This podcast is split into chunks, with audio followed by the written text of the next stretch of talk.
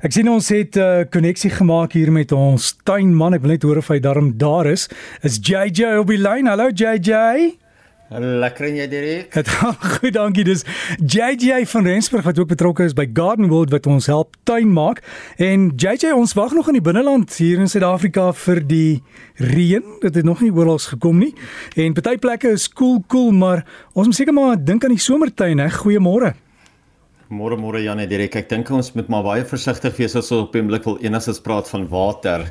Ek gaan nou daarby kom as ons kom by die water, maar kom ons begin sommer. Kom ons skop sommer gou daarmee af. Jy weet met al die waterbeperkings is dit dalk nou 'n goeie tyd om 'n reënwateropgaan opgaar tank te installeer.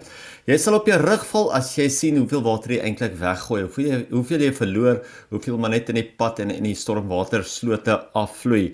Ja, ek weet nie almal het geete nie en ek weet nie almal het die spasie vir 'n tank nie, maar is, daar is deesdae soveel groottes en vorms beskikbaar wat dit eintlik baie makliker maak. Nou alhoewel dit sin maak om 'n drukpompie dan aan die tank te koppel sodat jy wel daai water weer kan gebruik, is dit nie altyd nodig nie. Baie belangrik is wel om 'n siffie voor die tank in die pypwerk in te sit sodat meeste van die blare en die gemors ook uitgesif word. So as dit ingewikkeld vir jou klink, kan jy ook 'n eenvoudige soek op die internet doen en jy sal sommer hordes antwoorde kry oor installeerders of verskaffers in jou area wat jou sommer 'n hand kan gee daarmee. Dit is eintlik so lekker om te sien hoeveel mense wel hulle tuinwater gebruik. Ek weet ek ek toe ek op 'n stadium daarvan gepraat het, het iemand vyf foto's gestuur dat hulle oor die 80000 liter water om hulle huis vergader, jy weet, of vergaar. En dit is net so lekker want hulle sê hulle maak amper glad nie enigsins vir die tuin of die huis enigsins staat op munisipale water nie. Maar Derek ja, dis soos jy sê dit is nou weer somer en ek het net laasweek het ek gepraat van selektiewe onkruiddoders wat mense op die grasperk kan gebruik en het goed gedink om vandag 'n bietjie die verskil tussen selektiewe onkruiddoders en wat um in die algemeen bekend staan as algemene of non-selektiewe onkruiddoders gou te bespreek. Nou 'n selektiewe onkruiddoder is gewoonlik iets wat mense op jou grasperk gebruik en wat nie die gras self sal dood nie, maar selfs net die onkruide tussen die gras. Onthou, hier praat ons nou van 'n breë blaar onkruid. Nou, nie alle breë blaar onkruide is baie groot nie of het baie groot blare nie. Baie kere is dit ook 'n baie fyn blaartjie soos byvoorbeeld daai klein ranksieringkie of so. Nou hy word ook gesien as 'n breëblaar onkruid. En as jy van hom wil ontslaa raak, dan moet 'n mens dan nou 'n selektiewe onkruiddoder gebruik. Mens kan ook in dieselfde asem nie 'n selektiewe onkruiddoder in jou bedding spuit en onder die indruk dat dit net die onkruid sal dood en nie die plante nie. Onthou, onkruiddoder gaan nie die verskil ken tussen jou breëblaar plante en jou breëblaar onkruide nie. So, as 'n mens daarso uh van die onkruide moet ontslaa raak, moet jy maar eerder dit net eenvoudig uitspit, uitskoffel of natuurlik net uittrek.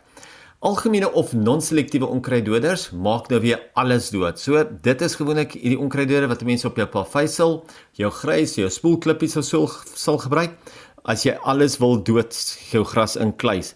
Maak ook seker wanneer jy spuit om die aanwysings noukeurig te lees en nie, nie die chemikalie te sterk aan te maak nie of nie te veel in 'n area te spuit en dit te oordoen nie. Onthou, ons kan nie almal die chemikalieë um blameer as ons self 'n fout gemaak en ons self dit nie reg gedoen het nie. So maak bietjie seker wat jy gaan gebruik in jou area, wat jy nodig het. Het jy 'n selektiewe onkruiddoder of 'n non-selektiewe onkruiddoder nodig, 'n algemene onkruiddoder? Dit ek ook so met die hitte is daar ook nou soveel plante wat nou sterk groei en met soveel nuwe lote wat uitgestoot word, moet 'n mens eintlik besluit watter takke 'n mens wil hou en watter takke eerder verwyder moet word sodat jy nie enige groei of onnodige energie verloor nie.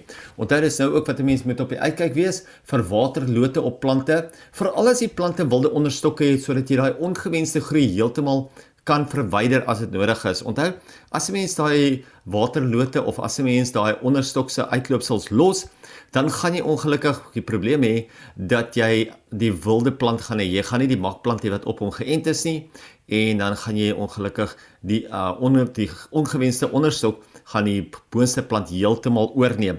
En dis hoekom ons dit so moet dop en net moet seker maak dat ons nie groei in 'n verkeerde rigting instoot nie. Derek het jy gesien hoeveel jacarandas is op die oomblik in blom? Ek het ja, ehm um, ek dink in Johannesburg blom hulle beter want ons het nie eintlik reën gehad nie. So die hele stad is pers. Ja, die hele stad is pers en is ongelukkig is dit nou een van daai plante wat mense dink wat eintlik 'n uh, onkruid is, maar dankie tog ons kan weer die jacarandas plant. Daar is net nie baie mense wat jacarandas weer op die oomblik kweek nie. So die goeie nuus is dat 'n mens weer jacarandas kan plant, maar dit is as jy dit byvoorbeeld binne 50 meter van jou plaashuis af plant, as jy dit nie in die uh, waterlyn sou plant nie en in die vloedlyn en dan ook in die dorpsgebiede kan mense dit ook plant. Dis glad nie 'n probleem nie. Hulle wil net nie ons moet dit enigstens naby aan enige waterlyne plant nie. Maar soos ek sê, dit is nou jacaranda maand. Dit is die helfte van die deur die jacaranda maand. Oktober is natuurlik jacaranda maand as ook rose maand. En ons plant van die week vir hierdie week is weer eens 'n pragtige roos. Nou, almal soek altyd 'n roos wat min moeite het. Almal soek 'n roos wat siektevry is. En hier sit ek nou net vir jou die antwoord. Gaan kyk bietjie uit vra by die kwekery vir die knockout variëteit. Hy maak donkerpink knoppe op 'n medium grootte roosbos. Die plant groei so om en by 1 meter hoog en hy blom aanhoudend. Dis een van daai wat regtig die minste moeite in die wêreld omtrent het. Een van die enigste rose wat hulle eie rose afgooi soos dit verouder, so jy het nie eens nodig om deur te gaan en dooie knoppies uit te breek of dooie blommetjies uit te breek nie. Eintlik baie maklik. Is 'n baie sterk groeier en soos ek gesê het, hy is 'n siekte hy, hy bied 'n baie sterk siekte weerstand. Die plant hou natuurlik van die volson en dit kan selfs in 'n bedding saam met ander plante ook geplant word. So gaan kyk bietjie uit vir die knockout variëteit en hom plant jy vir kleur in die tuin, nie vir die vaas nie. JJ van Rensburg wat vir ons help tuin maak en daai fotos van dit waar hy gepraat het en die plant van die week is op die Facebookblad van Breakfast. So gaan soek net daar sluit aan en jy kan die inligting daar kry. Jy kan ook daarvan af dan met JJ kontak maak. Jy weet dalk wil jy iets doen in jou tuin. So mense kan altyd probeer.